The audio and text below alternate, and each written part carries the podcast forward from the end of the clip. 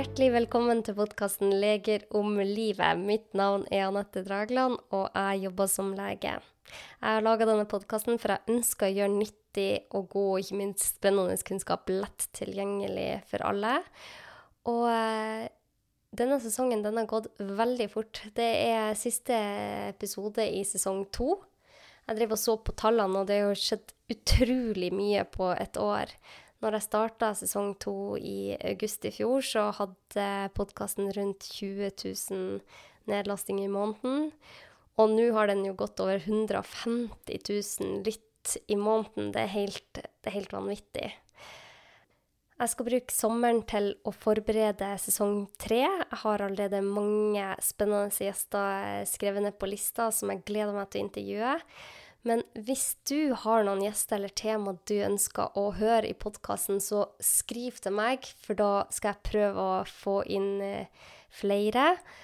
Og eh, jeg er alltid på utkikk etter eh, gjester med gode verdier og høyt engasjement, så si ifra hvis du vet om en. Ellers så har jeg endelig fått på plass nettsida mi, anettedragland.no. Der kan man gå inn, og hvis du ønsker å vite litt mer om forskjellige temaer som jeg interesserer meg særlig for for tida, og man kan melde seg på nyhetsbrev.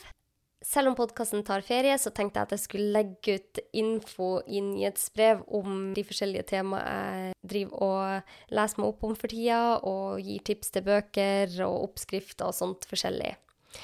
Og så kan jeg også fortelle at jeg endelig har fått til å få tilgang til bonusepisodene for de som ikke har iPhone. Så de kan man nå finne på nettsida mi. Og med det så ønsker jeg deg en kjempefin sommer. Jeg håper du får nyte godt vær, tid med de du bryr deg om, og at du får slått av stressystemet litt, for det trenger vi alle av og til. Og jeg tenkte at jeg skulle avslutte sesong to med den første gjesten jeg intervjua i sesong én.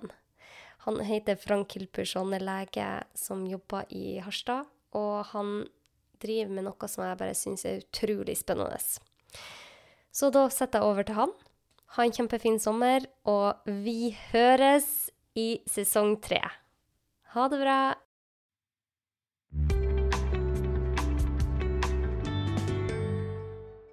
Hjertelig velkommen til podkasten 'Leger om livet'. Jeg heter Anette og befinner meg for tida i Nord-Norge. I dag har jeg tatt turen til Harstad, hvor en av forskerne på FMT-behandling befinner seg. Lege Frank Hilpers har et glødende engasjement for sine pasienter, og var en av de første i verden til å starte opp med FMT-behandling, også kjent som fekaltransplantasjon for pasienter med diagnosen irritabel tarm. Sammen med Universitetssykehuset i Nord-Norge Harstad har han og hans kollegaer kommet med banebrytende forskning innenfor dette feltet. Og de forsker nå på om også andre sykdommer og lidelser kan ha effekt av FMT-behandling. Og det har vært mye oppmerksomhet rundt deres arbeid de siste årene. Jeg har gledet meg lenge til å få muligheten til å intervjue denne engasjerte og svært dyktige legen, så da sier jeg bare Tusen takk for at du har tatt deg tid til å være med i podkasten vår, lege og forsker Frank Hilpers. Ja, tusen takk for muligheten for dette.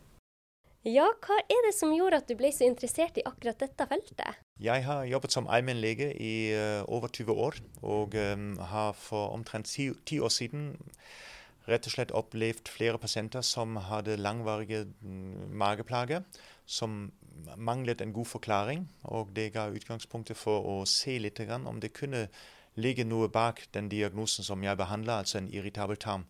At det ikke bare er en funksjonell sykdom, altså en psykisk, familiær, ukjent sykdom, men om det kanskje likevel har en sammenheng til en forstyrrelse av den normale tarmfloraen i vårt tarmsystem. Ja.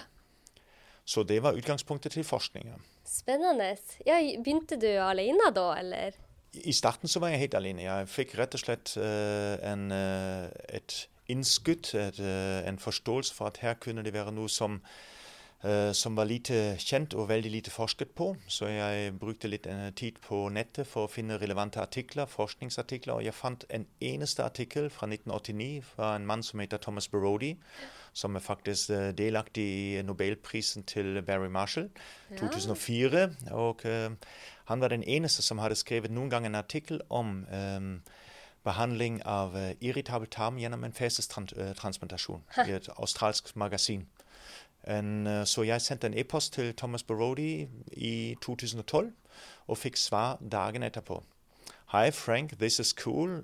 Nobody has done a science before. Go for it. Det er helt sant. Så det var, det var, jeg tenkte wow, nå har jeg faktisk sett noe som, uh, som ikke er blitt forsket på. Ja. Og da, det var utgangspunktet. Ja, og hvordan, uh, Vi må jo bare gå inn på hva er egentlig FMT-behandling? For det er jo ikke alle som vet hva det er. Uh, det jeg tenkte på, det var det at vi vet jo at det finnes en sykdom som heter clostridium difficile-infeksjon. Det er en, en, bakteriell forstyrrelse av tarmsystemet som fører til meget, til dels meget alvorlige tilstander. Før har det vært delvis dødelig. Ja. Og den kunne man behandle ved å bytte ut bakteriefloraen. Altså man transplanterer, man setter inn friske bakterier av en frisk donor. Og det kan man gjøre på tre måter. Man kan enten bruke et koloskop, altså en slange, inn i endetarmen. Ja. Uh, og eh, så kan man bruke et klyster, et såkalt enema-sett. Og det tredje er jo at man kan sette væsken eller bakterieblanden gjennom en mage-tarm-sonde. Ja. Altså nasogastrisk, som vi sier. Uh, og så har det vist seg på denne første sykdommen at uh, man kunne fjerne de skumle bakteriene Clostridium difficile, ved å sette inn friske bakterier av en frisk donor. Og Det er det som vi kaller for en fesestransplantasjon. Ja. Og Det er utgangspunktet hvor jeg da tenkte meg ok, kanskje er en irritabel tarm eh, også en slags bakteriesykdom. Bare det at vi ikke forstår helt av alle de mange bakteriene som vi har i tarmen, hvilke bakterier som er for mange eller for få. Ja, nettopp. Så kunne man prøve ut og bytte ut gjennom en fesestransplantasjon. Utrolig spennende. Ja. Så da starta du for ti år siden? Ja, for åtte år siden nøyaktig, i 2012. Så jeg fikk med meg en meget god venn av meg og som er medforsker, og uh, nå hov hovedforskeren for mange store prosjekter i, i Troms, faktisk, uh, Peter Johnsen. Ja. Vi er etter åtte år fremdeles meget gode venner, og det er ganske uvanlig når man forsker. ja. Og uh, så fikk vi da godkjent et forskningsprosjekt i 2013 med en verdens faktisk første dobbeltblindstudie, ja. hvor vi behandlet irritabel tarm gjennom en fesestransplantasjon. Hypotesen var veldig enkelt, at uh, en IBS, irritabel tarm, er en, ikke en funksjonell sykdom, men en dysbiose, altså en forstyrrelse av tarmens mikrobiom. Ved å tilføre eller erstatte innholdet med friske bakterier, så kan det føre til at en ny flora kan utvikle seg, som da vil føre til at plagene til pasientene forsvinner. Så den studien den gjennomførte vi i 2014-15, og fikk den publisert i Lancet uh, i 2017, tror jeg var det, eller januar 2018. Som verdens første dobbeltblindstudie fra lille Harstad. Ja, det er skikkelig cool, egentlig. Og Lancet, for de som ikke vet hva det er, så er det en velansett tidsskrift. Uh, det kan man si. Ja. ja. Så det er jo bare det å få publisere der. Det var iallfall for oss et godt utgangspunkt. I etterkant så har vi uh, Vi gjorde Jeg vil si det sånn. Når vi gjennomførte den studien, så så vi uh, at flere pasienter blir friske ja. av sine plager når de får en behandling med friske bakterier av en frisk donor. Og jeg har et, i etterkant overført denne behandlingen hit til allmennpraksis, for ja. jeg har sagt at dette er en folkesykdom. 10-15-20% av verdens befolkning lider av en dårlig mage, enten av forstoppelse eller diaré. Uh, og Derfor må man få dette ut til folket på en enkel måte, som er såpass billig at man kan gjennomføre det både på Lindesnes og i Kirkenes, uten at det koster deg skjorta eller bilen. Ja. Og um, Samtidig så jobbet vi i samme studien, Refit-studien som den het, så tok vi også en undersøkelse med tanke på fatigue, altså utmattelse. Ja. Siden nesten halvparten av de som kom til oss uh, med sine mageplager, led også i mer eller mindre grad av en kronisk utmattelse. Ja. Som til dels da kan være nokså invalidiserende. Og så viste det seg at uh, i den lille studien som vi da gjorde, at uh, pasientene som hadde god effekt på mage-tarm-behandling, til dels også hadde meget god effekt på sin fatigue. Og Det ble utgangspunktet for at vi uh, da i 2016 fikk støtte fra Norges forskningsråd til å gjennomføre verdens første dobbeltblindstudie hvor vi behandler kronisk utmattelsessyndrom, altså fatigue eller ME, ja. gjennom en fesestransplantasjon. Altså en i utgangspunktet psykiatrisk diagnose som tradisjonelt behandles med kognitiv terapi, behandler vi med å sette inn friske bakterier av en frisk donor. Det er jo egentlig helt sprøtt. Ja, det er så spennende. Og det, resultatene kommer i løpet av noen ja, år? Ja, kanskje om to år. Det, det, ting tar tid. Korona har utsatt uh, prosessen, men uh, den studien er iallfall uh, skikkelig i gang.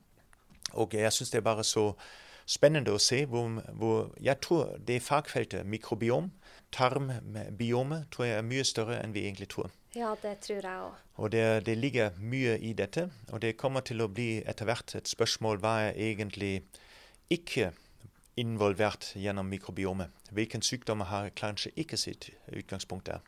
Ja.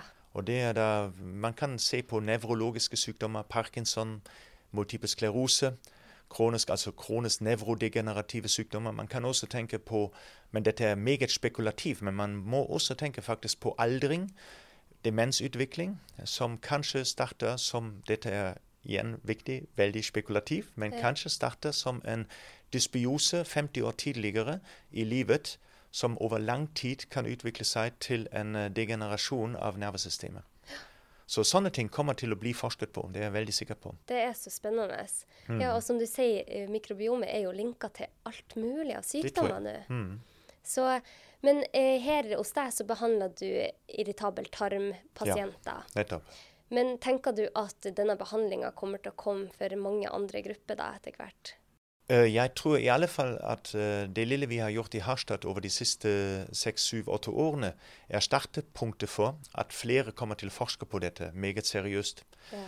Um, og at det nok vil vise seg en sammenheng, iallfall et behov for å forske på å finne ut sammenheng mellom biome og f.eks. autoimmune sykdommer. Ja. Biome og hudsykdommer. Psoriasis, ikke mm. sant? atopisk eksem, allergier. Mm. Uh, rheumatologiske sykdommer. Mm. Og uh, det kan godt hende det viktigste er jo det kan jo hende at det ikke har en sammenheng, men det er også viktig å avklare dette. Det er akkurat det. Altså Istedenfor å neglisjere en sak og overse faktisk kanskje en potensiell sammenheng, så burde man undersøke uh, om det ikke foreligger en kobling. Fordi jeg tror vi må ha mye mer respekt for det som eksisterer i vårt tarmsystem. Mm. Hvis man grovt sett tenker seg at uh, i den lille tykktarmen, som er da 1,5 meter lang, så ligger det 100 trillioner bakterier. Som er ti ganger flere bakterier enn vi har celler i vår egen kropp. Med den samme genetiske mengden som vi har ellers i hele kroppen vår. Med 3000-5000 forskjellige bakterier. At de har en betydning. At hele det samspillet har en betydning for hvordan kroppen vår fungerer, det er jeg 100 overbevist over. Men når disse pasientene som du behandler, som dere ser blir friske eller mye friskere, mm. eh, ser man òg da at de får en likere, et likere mikrobiom som donorene? Det er veldig bra. Flott spørsmål. For det er også en ting som vi har gjort i vår Refit-studie, som er da altså ganske fenomenal. Det er det at vi har faktisk gjennomført uh, mikrobiomanalyser før behandlingen, under behandlingen og etter behandlingen. Både av donorene og av deltakerne i studien. Og disse har vi analysert uh, på et uh, utvalg av pasienter som hadde effekt på behandling, og av et utvalg av pasienter som ikke hadde effekt på behandling. Og Den studien har vi nettopp publisert nå i dette året, i 2020, også i et høyt ansett sånn genetisk uh, journal, hvor vi viser at uh, pasientene som har effekt på en fesestransplantasjon, blir altså kvitt sine mage-tarmplager. De tenderer i sitt biom til å overta biomet fra den nye donoren. Ja de donorene dere får, er mm. friske mennesker som ikke har noen plager med tarm eller andre Nettopp. sykdom. Fordelen for meg, jeg sitter her oppe i Nord-Norge, et ganske rent og beskyttet land, eh, landsdel i Norge. Ja. Og så har jeg vært fastlege i over 20 år, så jeg kjenner eh, både mine donorer, jeg kjenner familien. Jeg kjenner så å si rammen omkring mine donorer. Jeg vet jeg har kjent dem siden vi var født. Ja. Jeg bruker f.eks. veldig bevisst donorer som er mellom 16 og 25 år, altså ung, fordi dette er livets blomst, hvor jeg mener at biomet er uh, mer rikholdig enn et gammelmannsbiom, som jeg f.eks. har. Og så tror jeg ja, Problemet er at det er ingen som har forsket på dette. Og Derfor det, må man ha lov til å tenke og være litt kreativ i sine tanker ja. for å prøve ut. Men jeg tror iallfall at det er viktig å bruke et ungt biom så vet jeg at f.eks. våre donorer ikke har brukt penicillin, at de ikke har noen kjente sykdommer, de er testet, de er slanke, de er fysisk aktive, og jeg vet gjennom familien at det ikke foreligger skumle sykdommer i, som går i arv i familien. Og på den måten så har vi, og så screenes selvfølgelig donorene en gang i måneden med tanke på eventuelle bakterielle sykdommer. eller sånt. Skjønner. Ja, for hva er risikoen ved denne behandlinga? Uh, ris ja, det kan, uh, jeg vil anse at det er enormt lite risiko med denne, sykt, uh, med denne behandlingen. Vi har en FMT-behandling, fesestransplantasjon, er blitt gjort mer profesjonelt omtrent siden 1958. Da de første studiene ble satt i gang i forhold til Clostridium difficile. Ja. Og I løpet av de siste 60 årene så har det skjedd to dødsfall, tror jeg, i forbindelse med det. Og en siste, en tredje dødsfall som er rapportert nylig fra USA, hvor man hadde glemt å skrine donorene ordentlig på multiresistente bakterier. Oi. Altså egentlig en rutinesvikt. Mm. Men de to dødsfallene som har vært rapportert, er rett og slett av teknisk art. Det betyr man har påført f.eks. en koloskopi og lagd en, et uh, perforert tarmen. Ja. Men ellers, i forbindelse med mange hundre tusen FMT-behandlinger, er det aldri blitt rapportert om alvorlige bivirkninger. Det som kan forekomme, er jo selvfølgelig kvalme, kanskje litt magesmerter, kanskje litt bobling eller litt luft i tarmen, en urolig mage, men ingen alvorlige bivirkninger. Og Det ligger også i det at man er nødt til å uh, screene sine donorer grundig, tror jeg, og at man har en uh, behandlingsmetode som er såpass trygg og enkel at man rett og slett ikke kan påføre, påføre pasienten uh, en skade.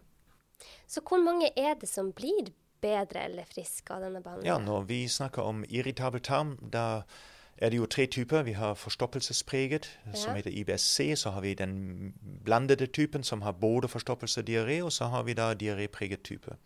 Og jeg vil si på ren irritabel tarm, så er min, uh, mine resultater, som er en av de få i verden som driver på den måten her, som kanskje også har behandlet flest, så vil jeg si at 70% blir enten friske eller såpass mye bedre at de får en tilnærmet normal livskvalitet.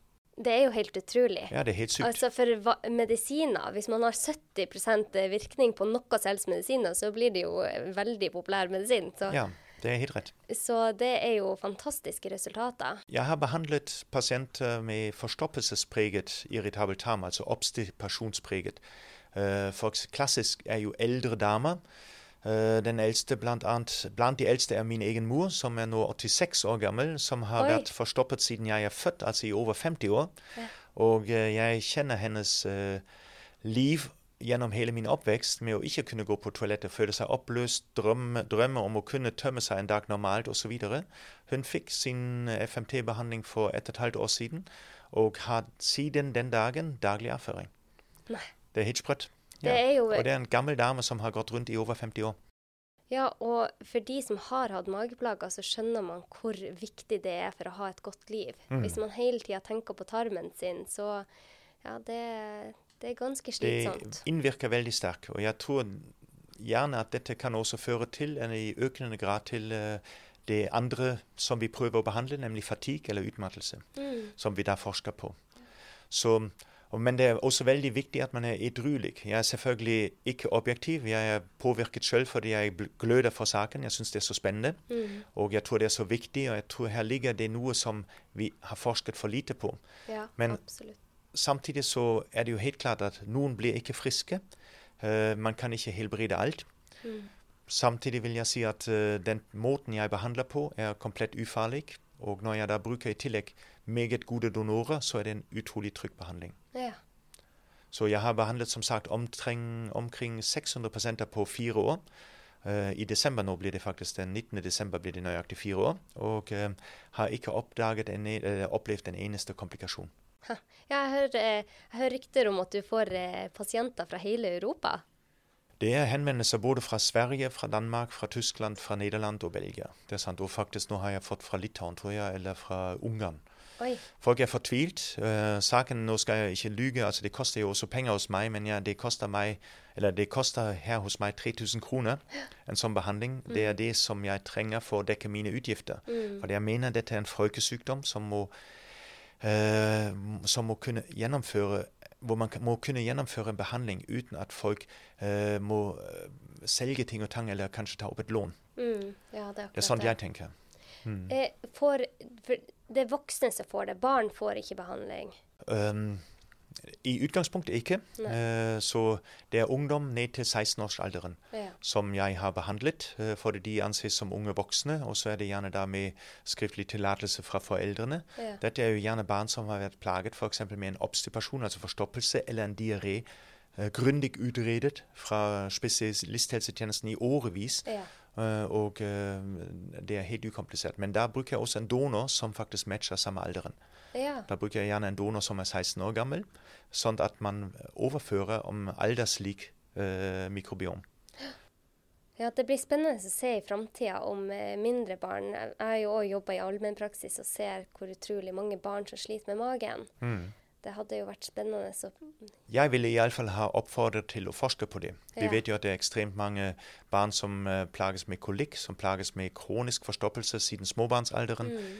Og uh, dette preger jo en oppvekst. Mm. Og det er jo fryktelig trist å se at et barn kanskje har det vondt og har det vanskelig og er oppblåst og kanskje i varierende grad har en matufordragelighet i 10-15 år før man da kan sette en, uh, en behandling som mm. eventuelt hjelper. Så derfor ville jeg ha ønsket meg, og det har jeg sagt i mange år, at man burde ha i Norge, hvor vi nå har spisskompetanse, tilfeldigvis her i Troms og en del i Haukeland, f.eks. i Bergen, uh, at man burde ha etablert et forsknings- og kompetansesenter. Og begynt å forske på mikrobiomer, på forskjellige mikrobiomer. Sett litt på hvordan man kan lage eventuelt bedre tilberedninger. Og så sett hvilke sykdommer, hvilke pasientgrupper kan man behandle. Ja. Altså Potensialet har vært så stort, og mulighetene. Fordi vi har tross alt gjennomført en del sånne foregangsstudier. Altså Vi har lagd et grunnlag som skal stimulere til enorm videreforskning. Ja, det blir kjempespennende å følge dere. Dere ja. gjør jo en fantastisk jobb. Jeg har bare noen spørsmål fra lyttere. For det har vært mm. veldig mange lyttere som har spurt om FMT-behandling. Og bl.a. fra pasienter med ulcerøs kolitt og Crohns. Mm. Tror du at det vil bli en behandling for de etter hvert, eller er det for det, Jeg tror at uh, punkt én, det foregår jo en god del studier internasjonalt, uh, også med tanke på ulcerøs kolitt og Crohns. Ved ulcerøs kolitt så er det i utgangspunktet mener man at den har en større sammenheng til en dysbiose, altså forstyrrelse av tarmfloraen, mens man mener ved kronsykdom at det kanskje er i større grad en genetisk eller en, en annen forklaring. Okay.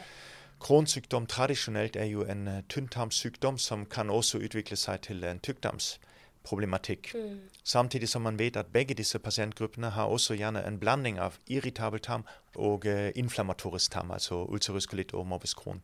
Og Derfor jeg tror absolutt at det kommer til å bli forsket mye mer på det. Jeg vet eksperimentell at jeg allerede behandler noen pasienter f.eks. med ulcerøs kolitt i stabil fase, mm. da de da i tillegg har en underliggende irritabel tarm. Ja, skjønner. Og uh, Så det er sånne ting jeg hadde ønsket meg at vi forsket mye mer på. Ja. F.eks. hvordan kan man forbehandle en pasient best mulig i sitt tarmsystem gjennom f.eks. bruk av uh, steroider eller adekvat medisin, sånn at tarmen er friskest mulig, for så å ut, uh, bytte ut tarmfloraen gjennom en, en eller flere fesestransplantasjoner. Ja. For så å se om man kan generere en tilheling og stabilisering av en normal tarmflora. Ja, nettopp. Mm. Eh, jeg må spørre deg, for det er veldig mye på nett, og det er veldig mange nå som har begynt å gjøre dette hjemme. Og det bekymrer meg jo litt. For de, da tar de eh, f.eks. en kjæreste eller en bror, og så prøver de å få transplantasjon fra de uten å teste seg. Hva er ditt råd til de? Ja, Det syns jeg ikke er så veldig klok. Eh, jeg får jo også sånne henvendelser hvor folk f.eks. spør om en uh, slektning eh, som er godt voksen, kanskje eldre, kan stilles som donor. Og jeg tenker i utgangspunktet at det er veldig bra at, at donorene screenes grundig. Fordi man får sine overraskelser av man f.eks. en bæreskap av type multiresistente bakterier mm. som bres mye mer i samfunnet, ja. uh, som man da ikke vet om.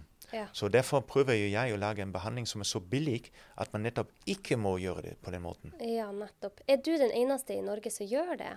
Jeg tror det finnes kanskje ett eller to private sentre i Sør-Norge som har gjort dette, i alle fall i perioder. Ja.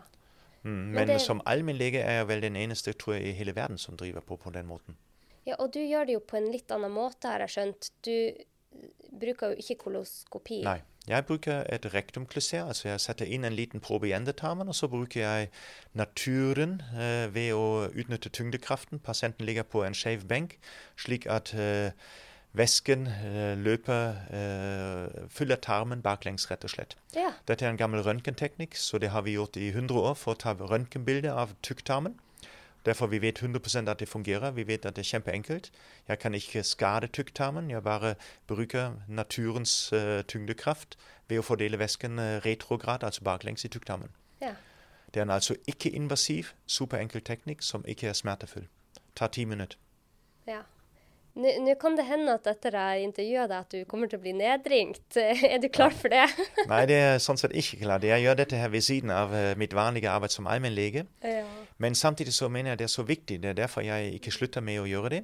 Og jeg vil da be alle, hvis folk er interessert i dette, så skal de ta kontakt med sin fastlege Ja. og få en henvisning til meg, slik at jeg har mine ting uh, i de rette formene. Så jeg vil gjerne motta en henvisning hvor jeg kan vurdere om vedkommende kvalifiserer for å prøve ut en fesestransplantasjon. Og kanskje flere vil gjøre dette etter hvert når de ser behovet øke. Det er mitt ønske. Jeg formidler det stadig vekk på diverse allmennmedisinske kurs. eh, og eh, jeg gløder for saken. Jeg tror iallfall punkt én vi må forske. Ja. Punkt to, når vi har funnet ut at ting fungerer, så må det også tilbys til flere til en pris som er såpass rimelig at man kan prøve det. Ja. Mm. ja, så du ser at pasientene dine har veldig god effekt av dette. Jeg behandler som sagt eh, mine pasienter her i Harstad eller på Bjerkøy. En måneds tid etter behandlingen så ringer alle mine pasienter som har fått behandling, og så må jeg etterspørre hvordan effekten har vært. Jeg vil si syv av ti med uh, IBS er takknemlige såpass mye at de ikke trenger flere behandlinger. Altså de er blitt såpass mye bedre, enten friske eller såpass mye bedre. Av de som da i tillegg har fatigue, vil jeg si at det er omtrent halvparten som eh, faktisk får et mye høyere energinivå. Ja, og de er jo ganske eh, dårlige fra sin eh, IBS hvis de Nettopp. kommer hit og vil ha denne type Selvfølgelig. behandling.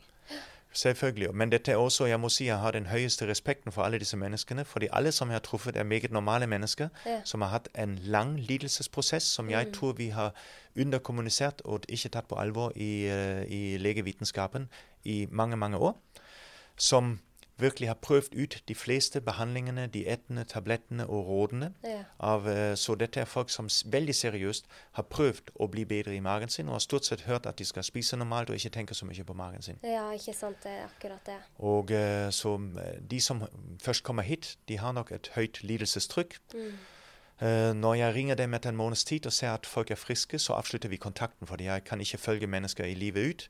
Men alle har da tilbud om å rekontakte meg hvis de får f.eks. et senere tilbakefall. Skjønner. Og dere forsker videre nå på Ja, vi har faktisk flere gode, spennende prosjekter på gang. Som sagt, vi har verdens eh, nå første dobbeltblindstudie for behandling av uh, myalgisk encefalopati, altså kronisk utmattelsessyndrom. Så har vi en studie hvor vi behandler sykelig overvekt. Eh, med en fesestransplantasjon. Da finnes det enkelte sånne case-historier eh, hvor dette viser seg kanskje å ha en sammenheng. Og Refit-studien, som vi da gjorde for seks-syv år siden, ga utgangspunktet til at vi nå lager en multisenterstudie over hele Norge, fordelt på fem eller seks sykehus, hvor Refit-studien eh, eh, gjennomføres en gang til, for å se om man kan eh, gjenskape de samme resultatene. Så dette er store saker, egentlig.